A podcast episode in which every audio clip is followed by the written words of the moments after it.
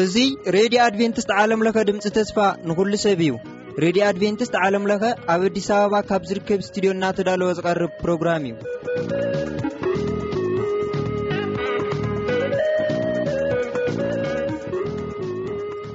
በብዘለኹም ምኸንኩም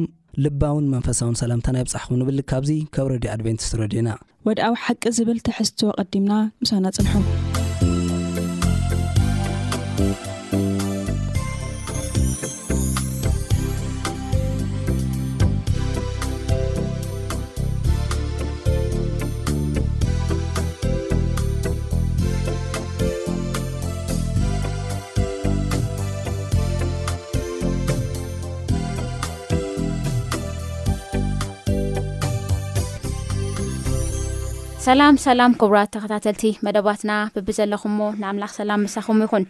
እዚ መደብ ወዳዊ ሓቂ እዩ ከምቲ ልሙድ ምሳኹም ክንፀንሕ መፂና ኣለና እግዚኣብሄር ከዓ ብነገር ኩሉ ከምህረናን ክግስፀናን ክመርሐናን ሰናይ ፍቓዱ ይኹን ሎማዓንቲ ንሪኦ ኣርእስቲ ሰንበትን ፍጻመን እዩ ዝብል፣ ሰንበትን ፍጻመን ብዝብል ሓሳብ ባህባር ኮይና ክንርኢ ኢና። መእተዊ ጥቅስና ዝርከብ ኣብ ኤፌሶን ሰለስተ፣ ኤፌሶን ምዕራፍ ሰለስተ ፈቕዲ ትሽዓተ እዩ ዝርከብ። ከንብቦ እየ፣ ከምዚ ይብል። እቲ ኣብቲ ኩሉ ዝፈጠረ ኣምላኽ ካብ ዘለኣለም ተሰዊሩ ዝነበረ ምስጢር መጋብነት እውን ከመይ ምዃኑ ንኹሎም ካብረሐሎም ተዋሀበኒ ይብል ማለት እዩ። እቲ ኣብቲ ኩሉ ዝፈጠረ ኣምላኽ ካብ ዘለዓለም ተሰዊሩ ዝነብረ ምስጢር መጋብነት እውን ከመይ ምዃኑ ንኩሎም ከብረሀሎም ተዋሃበኒ ይብል ማለት እዩ። እዚ ሒዝና ጸሎት ክንገብር ኢና። ንጸሊ። ጎይታ ነመስግነካ ምሳና ስለ ዘለኻ ብቃልካ ጌርካ ተምህረና ትመርሐና ትድግፈና ስለ ዘለኻ እውን ተመስገን እግዚኣብሔር ኣምላኽ ሰማዕቲ በብዘለዎ ቦታ ኣብ ዘሎዎም ለበለ ነገር ናትካ ጸጋ ነዚ ቃል እዚ ክገልጸሎም ንልምነካ ኣለና ንኣና እውን ብቃልካ ኣቢልካ ባርኸና ክትመጽእ ከለኻ መንግስትኻ ዘክረና ኣይትፈለየና ሰላምካ ሃበና ብሽም መድሃኒና ብኢየሱስ ክርስቶስ ንልምን ኣሜን ኣሜን ሓውና ኣማን ሕዚ እንኳዕ ድሓን መጻኻ ክብለካ እፈቱ እሞ ኣብዚ ሓሳብ እዚ ንሪኦ ነገር እንታይ እዩ እግዚኣብሔር ክፈጥረና ከሎ ንሰብኣዊ ዘርኢ ማለት ንሰብኣዊ ወገን እግዚኣብሄር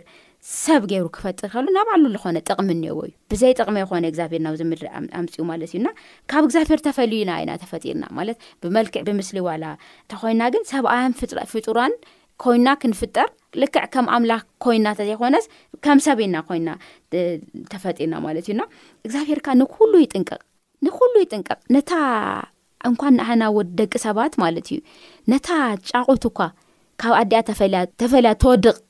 ኣብ መሬት ትወድቕ ካብቲ ገዛኣ ተመንጢላ ጎ መሬት ትውድ- ትወድቕ እኳስ እግዚኣብሔር ይሓስበላ እዩ እግዚኣብሔር ይጥንቀቐላ እዩ እግዚኣብሔር ይጭነቕ እዩ ንዝፈጠሮ ኩሉ ኣመና ከዓ ብምስሉን መልክዑን ንዝፈጠረ ንወዲ ሰብ ከዓ ክንዳየናይ ልጭነቅ ልሓስብ ልጥንቀቅ ልርኢ ኣምላክ ከም ዝኮነ ብዝሓለፈ ውን ንርኢ ጸኒሕና ማለት እዩ እና እዚ ኣምላክ እዚ እግዚኣብሔር ልሃበና ላውረሰና ነገር ኣለና ንሱ ዓለሙን ኣብ ውሽጡ ዘሎ ኩሉ ዝፈጠረ ሰማይ ምድርን ኩሉ ዝሰርሐ ኣምላክ ከም ዝኮነ ንርኢ ማለት እዩ እና ንሰብ ግን ካብ ሓደ ፈጠረ ይብለና ንሰብ ካብ ሓደ ዓሌት ካብ ሓደ ወገን እንታይ ገረ ፈጠረ ይብለና ቃል ማለት እዩና ስለዚ ሓና ኩላትና ሓደ ኢና ማለት እዩ ሓደ ቤተሰብ ኢና ካብ ኣምላኽ ዝተፈጠረና እዚ ደጋግምነና ንዛረብ ከም ቃል ኣምላኽ ልብሎ እዚ ጨዋ እዩ እዚ ባርያ እዩ እዚ ትግራዋ እዩ እዚ ኣምሓራ እዩ እዚ ኤርትራዊ እዩ እዚ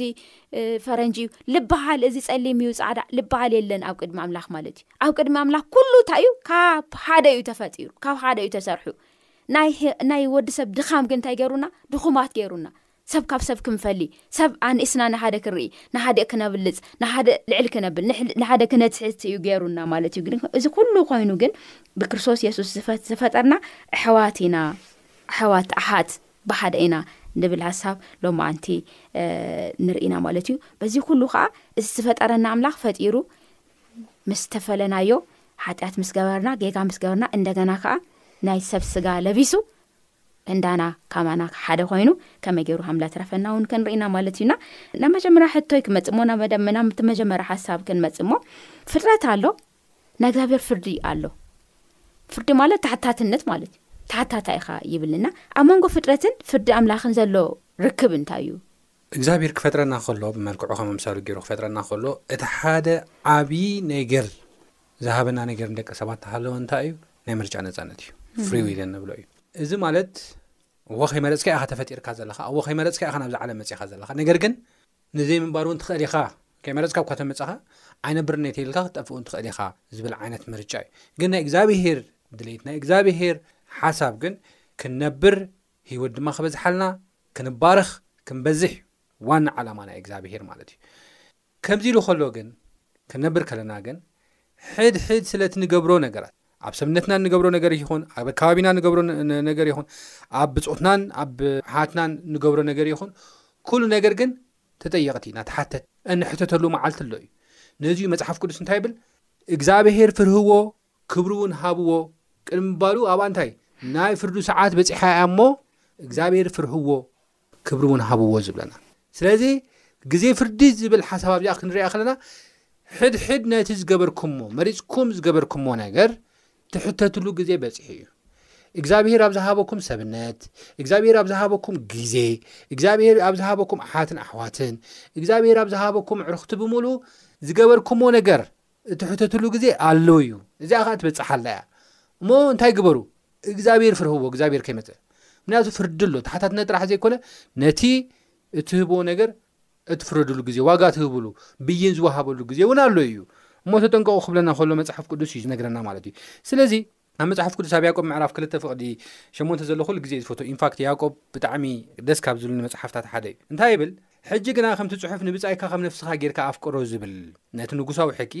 ብሓቂ እንተፈጸምኩሞ ሰናይ ትገብሩ ኣለኹም እንተ ኣዳለኹም ግና ሓጢኣት ትገብሩ ኣለኹም እቲ ሕጊ ከዓ መፍረስቲ ምዃንኩም ይረትዓኩም ኣሎ ንዓና ዝረትዓና እግዚኣብሄር ኣይኮነ ዝከራኸረና ምስቲ ሕጊ ከይድና ኢና ንላተም ምስ ዝተቐመጠልና መንገዲ ናይ እግዚኣብሄር ኢና ንላተም ብኡ ኢና ንምርመር ምኽንያቱ ንሱ እዩ እቲ መስትያት። ይቕጽል። ንብዘሎ እቲ ሕጊ ሓልዮ ብሓንቲ ዝብድል ኩሉ በደለኛ እዩ ዝኸውን እታ ኣይትዘሙ ዝበለ ኣይትቕተል ድማ በለ ስለዚ እንተዘይ ዘሙኻ እንተቐተልካሲ መፍረሲ ሕጊ ኢኻ ነቲ ምሕረት ዘይገበረስ ምሕረት ዘይብሉ ፍርዲ ክኾኖ እዩ ምሕረት ብዘይብሉ ፍርዲ ወይ ድማ ብይን ክዋህቦ እዩ ምሕረትሲ ኣብ ፍርዲ እያ ትምካሕሞ ከምቲ ብናይ ሓርነት ሕጊ ዝፈርዶም ከምኡ ትዛረብኹም ምኹውን ትገብርለኹም ይብለና ስለዚ ኣብዚ ሓሳብዚ ንሪኦ ነገር ተሃለወ እንታይ እዩ እንገብሮ ምርጫታት ንጠንቀቕ እዩ ቅድሚ ዝኣገረ ቅድሚ ብይን ምውሃቡ ንጠንቀቕ እንመርጮ ምርጫታት ፍርዲ ተሓታትነት ከምዘለዎ ፈሊጥና ኣስተውዒልና ብናይ መጽሓፍ ቅዱስ መነጸር እናረኣና ክንገብርን ክንመርጽን እግዚኣብሄር ይርድኣና። ኣሜን እግዚኣብሔር ይባርካ ኣማን ትክክል እዩ እግዚኣብሔር ኣምላክና ፈጣሪና ምዃኑ ከምኡ ከዓ ፈጢሩና ስእሉ ዘይገደፈና ምዃኑ ቀፂልና ከዓ እዚ ሰንበትን ፍጥረትን ከዓ ብሃደ ኮይና ንርኢ ማለት እዩ ሰንበት ኢልና ንፅውዕ ዘለና ዝከበርኩም ሰማዕቲ ተደጋጋሚ ከምቲ ንብሎ ሸብዓይቲ መዓልቲ ቀዳም ኢና ንዛረብ ዘለና ማለት እዩ ከምቲ ልሙድ ሰንበት ኢልና ንፅዎ እሁድ መዓልቲ ኣይኮንና ንብል እሁድ ኣሃዱ ወይ ከዓ ናይ መጀመርያ መዓልቲ እዩ መፅሓፍ ቅዱስና ሰንበት ኣይብሎን እዩና እዚ ደጋግምና ንፅውዖ ዘለና እግዚኣብሔር ፈጢሩ ዓሪፉ ዘርእና ሰንበት ቀዳም ምዃኑ ክንሕዝ ኣለና ኣብ ዘፍጥረት ምዕራፍ ክልተ ካብ ሓደ ጀሚርና ክንርኢ ከለና ከምዚ ይብል ከምኡ ሰማይን ምድርን ኩሉ ሰራዊቱን ተፈጸሙ ኣምላኽ ከዓ ነቲ ዝገበሮ ግብሩ በታ ሰብዓይቲ መዓልቲ ፈጸሞ ሰብዓይቲ መዓልቲ እውን ድማ ካብቲ ዝገበሮ ኩሉ ግብሩ ዓረፈ ኣምላኽ ከዓ ካብቲ ዝፈጠሮን ዝገበሮን ኩሉ ግብሩ ብኣ ስለ ዝዓረፈ ነታ ሰብዓይቲ መዓልቲ ባረኻን ቀደሳን ይብለና ሰንበት ዝተባረኸት ዝተቀደሰት ተፈለየት ብኣምላኽ ሸብዓይቲ መዓልቲ ሰንበት፣ ቀዳም፣ እዚ ይነግረና ማለት እዩ። ካብኡ ኣብ ዘጸኣት ምዕራፍ ዕስራ ፍቕዲ ሸሞንተ ከይድና ክንርኢ ከለና ከኣ ከምኡ እዚ ባዕሉ መሊሱ ይነግረና። መዓልቲ ሰንበት ክትቅድሳ ዘክር፣ ሽዱሽተ መዓልቲ ዕየ፣ ተግባርካ ኩሉ ግበር። እታ ሳብዐይቲ መዓልቲ ናይ እግዚኣብሔር ኣምላካ ሰንበት እያ፣ ብኣኣ ንሰኻን ወድኻን ጓልካን ግዙእኻን ግዝኣትካን ማልካን ኣብ ውሽጢ ደጌታት ዝነብር ሰደተኛ ገለ እኳ ዕዮ ኣይትዕየይ እግዚኣብሄር ብሽዱሽተ መዓልቲ ሰማይ ምድርን ባሕርን ኣብ ኣታቶም ዘሎ ኩሉ ገይሩ እዩ እሞ ብሻብዓይቲ መዓልቲ ከዓ ዓረፈ ስለዚ እግዚኣብሄር ንበዓልቲ ሰንበት ባረኻን ቀደሳን ሰንበት ናይ ፈጣሪ ናይ እግዚኣብሄር ፈጣሪነት እንታይ ትገብር ተዘኻኽር ትነግር እዛ ምድሪ እዚኣ ናይ መን እያ ናይ ኣምላኽ እያ እዛ ምድሪ እዚኣ መን ፈጢርዋ እግዚኣብሄር ኣምላኽ ፈጢርዋ ኢላ ትነግረና ምልክት እያ ኣብ መንጎ ህዝብን ኣብ መንጎ ፈጣሪን ማለት እዩ እዚ ሓደ ክንሕዝ ነና እንደገና ካይና ከኣ ኣብ ዘዳግም ካይና ክንርኢ ከለና እውን በዓሉ ይደግመና ማለት እዩ ዘዳግም ምዕራፍ ሓሙሽተ ፍቕዲ ዓሰርተ ክልተ ከኣ ከምዚ ይብለና ንመዓልቲ ሰንበት ከምቲ እግዚኣብሔር ኣምላክካ ዝኣዘዘካ ክትቅድሳ ሓልዋ ሽዱሽተ መዓልቲ እዮ ኩሉ ተግባርካ ግበሮ እታ ሳብዓይቲ መዓልቲ ግና ናይ እግዚኣብሄር ኣምላኽካ ሰንበት እያ፣ ብኣኣ ግዙእኻን ግዝኣትካን ድማ ከማኻ ምእንቲ ኪዓርፉስ፣ ንስኻን ወድኻን ጓልካን ግዙእኻን ግዝኣትካን ብዕራይኻን ኣድግኻን ወይ ኵሉ መዋዕልካ ወይ ኣብ ውሽጢ ደገኻ ዘሎ ጓናኻ ንዝዀነ ዕዮ ኣይትዕየዩ። ንስኻ ድማ ኣብ ሃገር ግብጺ ባርያ ከም ዝነበርካ፣ እግዚኣብሄር ኣምላኽካ ኸኣ ብጽንዕቲ ኢድ፣ ብዝርግሒቲ ቅልጽም ካብኣ ከም ዘውጽኣካ ዘክር። ስለዚ፣ እግዚኣብሄር ኣምላኽካ መዓልቲ ሰንበት፣ ክትሕሉ ዓዘዘካ ተበጃዊካ እግዚኣብሄር እዩ ፈጣሪካ እግዚኣብሄር እዩ ወጺካ ከድካ ባርያ ምስ ኮንካ ግን ንሓጢኣት ባርያ ምስ ኮንካ ከኣ መን እዩ ተበጂውካ መን እዩ ናብ ህይወት ኣምጺኡካ እግዚኣብሄር እዩ ስለዚ ነዚ እግዚኣብሄር እዚ ዘክር ኢሉ ይነግረና ማለት ሰንበት ኣብ መንጎ እግዚኣብሄርን ኣብ መንጎ ኣህና ኣህና ዓናን ዘሎ ዘለኣለማዊ ዝኾነ ዕረፍቲ የመላኽተና ማለት እዩ ስለዚ ምእንታይ እዮም እዚኦም ኩሉ ሻዕ መዓልቲ እናፈለዩ ዝነግሩና ክብል ይኽእል እዩ ሰብ ግን ኣይኮነን እግዚኣብሄር ስለ ዝበለ እዩ እግዚኣብሄር ዕረፉ ብኡ ስለ ዝበለና ናይ እግዚኣብሄር ፈጣሪነት ኣብ ሕቶ ኣትዩ ስለ ዘሎ ሰይጣን ናይ እግዚኣብሄር ፈጣሪነት በዚ ግዜ እዚ ኣብ ሕቶ ኣትዩ ስለ ዘሎ ክርስትያናት ለበልና ናይ እግዚኣብሄር ንሰምዕ ክርስቶስ ሞይቱልና ተሳቂሉና ካብ ሞት ኣድሕኑና ኢልና ንኣምን ኩላትና ነዚ ተፀወኢና ኢና እንታይ ክንገብር እቲ ፈጣሪ እግዚኣብሔር እዩ እንድሕር ኣሚንና፣ ተበጃዊ እግዚኣብሔር እዩ እንድሕር ኣሚንና፣ መዓልቲ ሰንበት ናይ ኩሉ ናዚ ነገር እዚ ምልክት ኮይና ኣብ መንጎ እግዚኣብሔርን ኣብ መንጎ ኣህናን ስለ ትነብር በዚ ነገር እዚ ንእግዚኣብሔር ክነምልኾ እዚ ኣብ ርእስና ሒዝና ናብቲ ቀጻሊ ዘሎ ሓሳብ ክንካ ዲና ቀጻሊ ዘሎ ሕቶ ሰይጣን ግን የወሳስብ እዩ ዘሎ የታልል እዩ ዘሎ እስቲ ከመይ ገይሩ እዩ ለታልል ዘሎ እዚ ዓለም እዚኣ ከመይ እዩ ለታልላ ዘሎ ነዚ ነገር እዚ ነዚ ሓቂ እዚ ሒዛ እዚ ዓለም እዚኣ ከይትኻድ የታልለና እዩ ዘሎ እና እስቲ እንታይ ይመስል ምትላሉ ብዛዕባ ሰይጣን ክንዛረብ ተዘይኮነስ ክንነቅሕ ምእንታን ማለት እዩ እቲ ዋና ናይ እግዚኣብሄር ስልጣን ዘርኢ ኣብ ዝሓለፈ ናይ ቃል ግዜና እውን ክንሪኦ ከለና እግዚኣብሄር ፍርህዎ ክብርውን ሃብዎ ነቲ ሰማይን ምድርን ባሕርን ዓይነ ማያትን ዝፈጠረ ስገድሉ ዝበለ እግዚኣብሄር ንኽስገደሉ ምኽንያት ዝኾነ ናይ ስልጣኑ መርኣያ ናይ ሓይሉ መርኣያ ዝኾነ ሓደ ፍጥረት እዩ እግዚኣብሄር ፈጣሪ ምዃኑ እዩ ንሕና እውን ሰግደሉ ናይ ስልጣኑ እውን መርኣያ ዝኾነ ናይ ሓይሉ እውን መርኣያ ዝኾነ ፍጥረት እዩ ካብ ዝገርመ ብዛዕባ እቲ ፍጥረት ክዛረብ ከሎ ኣብ መዝሙር ዳዊት ምዕራፍ 33 ክዛረብ ከሎ ሰማያት ብቃል እግዚኣብሄር ብዘሉ ሰራዊት ድማ ብስትንፋስ እግዚኣብሄር ተገብሩ ይብለና ሓይሊ እዚ ወርድ በለ ኮነ ድማ እዩ ዝብል ኣብ ዘፍጥረት ምዕራፍ ሓደረ ኣዘዘ ንሱ ድማ ፀንዐ እዩ ዝብል በቃ ብቓል ደው ኢሉ ዝሕጂ ንሪኦ ዘለና ብምሉኡ ኮሜትስ በልዮ ጋላክሲ በልዮ ፕላኔታት በልዮ ዓበይቲ ይኹን ንኣሽቱ ደው ኢሎም ማለት እዩ ብስትንፋስ እግዚኣብሄር ድማ ካብ ማይክሮ ኦርጋኒዝም ካብዚ ብዓይነ ክረአ ዘይክእል ፍጥረት ክሳብ እቲ ዓበይቲ ኦርጋኒዝማት ካብ ደቂ ሰባት ዝዓብዩ ፍጥረታት ንባዕሉ ብስትንፋስ እግዚኣብሄር እዮም ተፈጢሮም ካብ ዝገርመኪ እዚ እንታይ ዓይነት ሓይሊ እግዚኣብሄር ዘርኢ እዩ ጉልበት እግዚኣብሄር ዘርኢ እዩ እዚኣ ስለ ዝፈለጠ እዚኣ ስለ ዝፈለጠ ሓይሊ እግዚኣብሄር ተርኢ ናይ ፈጣሪነቱ ምልክት ምዃና ስልጣን ኣምላኽን ተርኢ ምዃና ኣብዚኣ ስለ ዝፈለጠ ኣብዚኣ ብዙሕ ኮንፊዥን ንክፈጥር ዘይፃሕተሮ ነገር የለን ኣብ ዝሓለፈ ናይ ቃል ግዜና ብዛዕባ ኢቮሉሽን ወይ ድማ ብዛዕባ ዝግመተ ለውጢ ብደንቢ ጌርክ ተዛሪብክና ነርኪ ኢኺ ካብዚ ብተወሳኺ ግን ኣብ መፅሓፍ ቅዱስ ኣመንቲ ኢናን ዝብሉ ንባዕሉ ግን እግዚኣብሄር ኣብ ሸውዓተ መዓልቲ ይኮነ ፈጢርዎ ኣብ ሸውዓተ መዓልቲ እንዲያም ኣብ ዘፍጥረት ምዕራፍ ሓደ ከይና ክንሪኦ ከለና ምሸት ኮነ ጌሓት ኮነ ሓደ መዓልቲ ምሸት ኮነ ጌሓት ኮነ ክልተ መዓልቲ ምሸት ኮነ ጌሓት ኮነ ሰለስተ መዓልቲ ከምኡ እናቐጸለ ሊትራል ዕስራን ኣርባዕተን ሰዓት ከም ዝኾነ፣ ምሸትን ጊሓትን ከም ዝሕድ ሓደ መዓልቲ፣ ዮም ዝብል ናይ እብራይስጥ ቃይድ ከይድና ክንሪኦ ከለና እውን ሊትራል ሓደ መዓልቲ ከም ዝኾነ እዩ ዝዛረበና ማለት እዩ። ብጣዕሚ ካብ ዝገርመኪ ነገር። ስለዚ ነዚ ኩሉ ሓይሊ እግዝኣብሄር ንምሽፋን ግን ብዙሕ ዘይግበር ነገር የለን ማለት እዩ። እግዝኣብሄር ግን ምልክት እውን ገይሩ እዩ። ምልክት ገይሩ እዩ። ኣነ ቅድሚ ሕጂ እውን ብደንቢ ገይረ ተዛሪበ እየ። ዓመት ዓመት ሰለስተ ሚእትን ሱሳን መዓልታት ዝኾነሉ ወይ ድማ ሰለስተ ሚእትን ሱሳን ሓሙሽተን መዓልታት ዝኾነሉ ዋና ምኽንያት ምድሪ ኣብ ፀሓይ ሮቴት ስለ ትገብር እዩ። ኣርባዕተ ሚእቲ ዘይኮነሉ መዓልታት ሰለስተ ሚእትን ሱሳን ሓሙሽተን ሓደ ብርእሲ እርባዕተ ዝኾነትላ ዋና ዓላማ ምድሪ ኣብ ርእሳ ዙርያ ስለ ትዘውር እዩ። ወርሒ ከምኡውን ኣብ ምድሪ ትዘረላ መዓልቲ ሰላሳ መዓልቲ ስለ ዝኾነ ብኡ እዩ። መዓልቲ ዕስራን ኣርባዕተን ዝኾነሉ ምድሪ ኣምናይ ባዕላ ፀሓይ ክትዘውር ከላ ሮቴት እናገበረት እናዞረት እናዞረት ኣብ ርእሳን እናዞረት እያ ትኸይድ ሓንቲ ግዜ ንክትዘውር ምሸትን ጌሓትን ስለ ዝወስደላ በዚ መዓልቲ እዚ እንታይ ኮይኑ ሓደ መዓልቲ ዕስራን ኣርባዕተን ሰዓት ኮይኑ ማለት እዩ ማይንድ እዩ ሰሙን ግን ሸውዓተ መዓልቲ ዝኾነሉ ሳይንቲፊክ ዝኾነ ነገር የለን ክርከብ ኣይከኣለን ምስ ምንም ሳይንቲፊክ ነገር ዝተሓዘ ይኹን ኤክሰፕት ሰሙን ሸውዓተ መዓልቲ ዝኾነሉ እግዛብሄር ሰማይን ምድርን ባሕርን ዓይነ ማያትን ፈጢሩ ኣብ ሻውዓይ መዓልቲ ስለ ዝዓረፈ እዩ እዚኣ ሻውዓይ መዓልቲ ከኣ ኢንተንሽናሊ ፈጢርዋ እዩ ናይ ፍጥረት ኣካል እያ ሽዱሽተ መዓልቲ እኮ ይስርሑ ወዲኡ ነይሩ ሰብ እኮ ፈጢሩ ገለምታት ትወዲኡ ኮይ ነይሩ ኣብ ሸውዓይ መዓልቲ ግን ኮፍ ኢሉ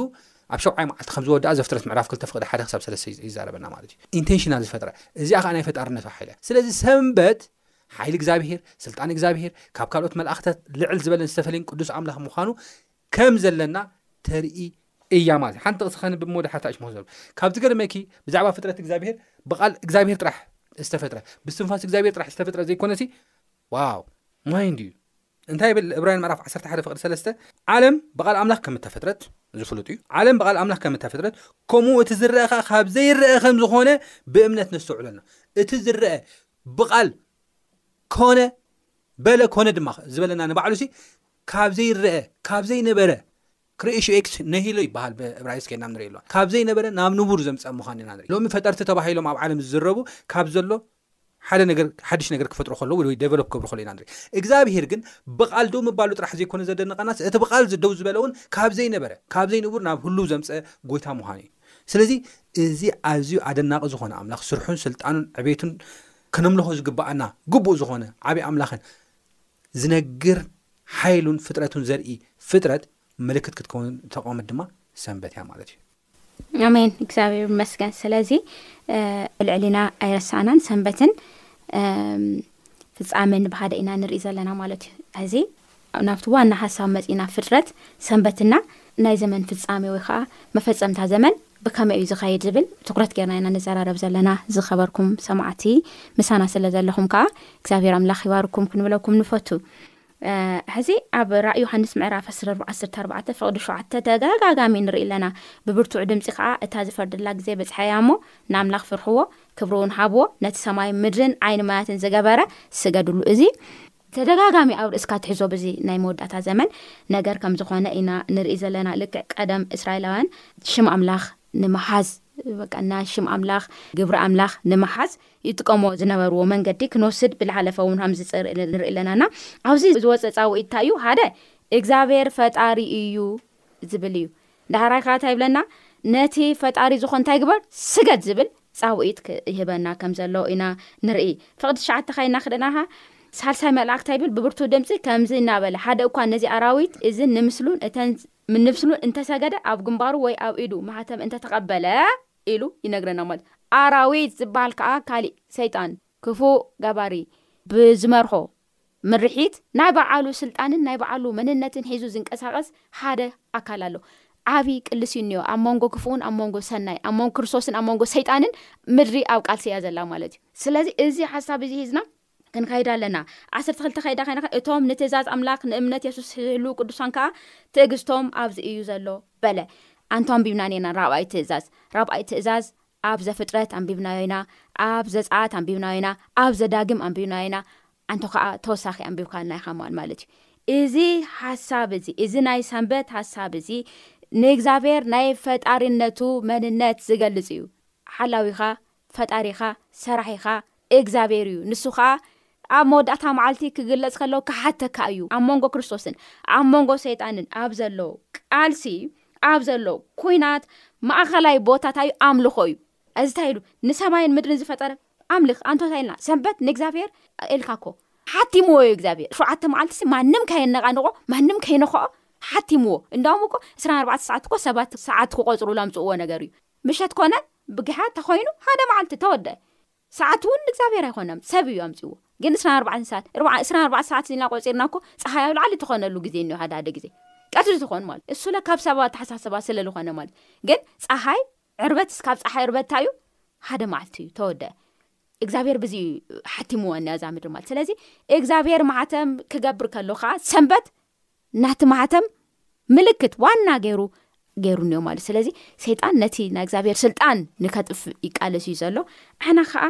ከም ስድራ እግዚኣብሄር ከም ደቂ እግዚኣብሄር እቲ እግዚኣብሄር ዝሃበና ሰንበት ዲና ነምልኽ ዘለና ወይስ ንመን ኢና እቲ ሰብ ዝፈጠሩ እዋ ክርስቶስ ተሰቂሉና ዩ ሞይቱና ዩ ተንስ እዩ ስለዚ እሁድ ኖ እሁድ ሰንበት ኣይኮነን ናሰብ ሰንበት እዩ ሰብ ተሰማምዒ ዝገበሮ ነገር እዩ ን ሰይጣን ወይ ከኣ ናቲ ኣራዊት ናቲ ገበል ናቲ ክፉእ ገባሪ ምልክት እዩ ንሰብ ኩሉ ግን ጸሪጉ ወሲድዎ እዩ በዚ ሰዓት እዚ ኣብ መወዳእታ ግን ሰብ ብኣምልኾ እዩ ክፍለይ ከምልኽ ከሎ ንኣምላኽ ደኸ ታምልኽ ወይ ከኣ ንፈጣሪ ደኸ ታምልኽ ወይ ከኣ ንሰብ ወይ ከኣ ሰብ ዝፈጠሮ ስርዓት በዚ ክልቲኡ ክንፍለ ኢና ማለት እዩ ስለዚ ኣበይ ኢና ኒኤና እዚ ዝነግረና ናይ ሰንበት ሓሳብ ሒዝና ንፈጣሪ ጥራሕ ክነምልኽ ኣብ መዓልቲ ሰንበት ሰንበት ባይ ዘወይ ኣብ ዓድና ኣብ ህዝብና ኣብ ማእኸል ህዝብና ፍሉጥ እዩ ግን ክልተ ሰንበት ዝብለ በሃል የለን ፈሊኻ መሪፅካ እግዚኣብሔር ዝፈጠሮ ነገር ክትገብር ፃውዒት ትቀርበና እዩ ናብቲ ንመወዳእታ ዘሎ ሓሳብ ንመፅ እሞ ሰንበት ከዓ ናብ ዘለዓለም እረፍቲ ናብ ዘለዓለም ህይወት መንገዲ ከም ልመርሓና እውን ይነግረና እሞ እዚ ሓሳብ ከምቲ ከም መጠቃለሊ ጌርካ ተቅርበልና እሞ ኣማን ሓወይ ካብኡ ናብ መደምደምታ ክንመፅ ኢና ኣብዛ ብሓጢኣት ኣዝያ ተባላሸወት ዓለም ንደቂ ሰባት እውን ሕጂ ብፍላይ ኣብዚ ሎሚ ዘለናሉ እዋን ሰብ ኩሉ ደኺሙ ተስፋ ቆሪፁ በቃ እቲ ዘለዎ እውን ያው እቲ ዘይብሉ እውን ከምኡ ብዙሕ ስደተኛ ብዙሕ ሽግር ዘለዎ ኮይኑ ኣብ ዘለወሉ እዋን እግዚኣብሔር ግን መዕቆቢ እዩ እግዚኣብሔር መዕቆቢ ምዃኑ ኸኣ እትርእይሉ ብሰንበት እዩ። ብኸመይ ተይልና ሽዱሽተ መዓልቲ ትደክም ኣድካሚ እዩ ይስልችወካ ደኺምካ ደኺምካ ሽዱሽተ መዓልቲ ናይ ነገር ግን ናብ እግዚኣብሔር መጺኻ እንታይ ትኾን ትዓርፍ ብእግዚኣብሔር ብኣእዳው ከይድካ ትዓርፍ ተምልኾ ትሰግደሉ ምልስ ኢልካ ትርኢ ህይወትካ ትፍትሽ ዓብዪ ዝኾነ ዕረፍቲ እዩ እዚ ንደቂ ሰባት ማለት እዩ ኢንፋክት ሰይጣን ግን ንኻሊእ ጌሩ እዩ ዘርዮ ሕጂ ሌጋሊስት ኢኹም ሕጊ ኖ ሰንበት ንጥቕምና ተፈጥረት እያ ንዓና ክጠቕመና ንዓና ክንዓርፍ ባይዞ ወይ ችቹ ሎሚ እኮ ኣብ ናይ ጥዕና ሕግ የኮነ ኣብ ናይ ጥዕና ምሁራት ከድና ንሪእየሉ እዋን ሕጂ ዝብልዎ ዘሎ እንታይ ሰብ ጥዑይ ክኸውን እንተኮይኑ ክዓርፍ ክኽእል ኣለዎ ሓደ መዓልቲ ሙሉ ኣብ ሰሙን ኣትሊስ ክዓርፍ ክኽእል ኣለዎ ዕረፍቲ ቫይታል እዩ ንሓደ ሰብ ጥዕና ናበሉ ኡይ ይብሉ ኣለዉ ንብዙሕ ሕማም ሰብ እናጋለፀ ዘሎ ዘይምዕራፍ እዩ እናበሉ እዮም ዘለዉ እግዚኣብሔር ግን ቀዳ ቀዳ ገና ኣብ ፍጥረት እዩ ነገርና ዕረፍቲ ቤዚክ እዩ ዕረፍቲ የድልየኩም እዩ እሞ ከዓ እታ ዕረፍቲ ምስ እግዚኣብሄር ሪፍሬሽ ገይርኩም ነንባዕልኹም እውን እትራኽብሉ ንእግዚኣብሄር ናምለኩም ትውዕሉላ ኣፖርቹኒቲ ከዓ ክትጥቀምሉ ከለኹም ከዓ ዝበለፀ በረኸት ከዓ ትረኽብሉ ኢኹም እዩ ዝበና ዘሎ ጎይታ ብጣዕሚ ዝገርም እዩ ስለዚ እዚ ከምዚ ክንገብር ከለና እንታይ እዩ ዘዘክረና ወይ ድማ እንታይ እዩ ዘርእየና ክንብል ከለና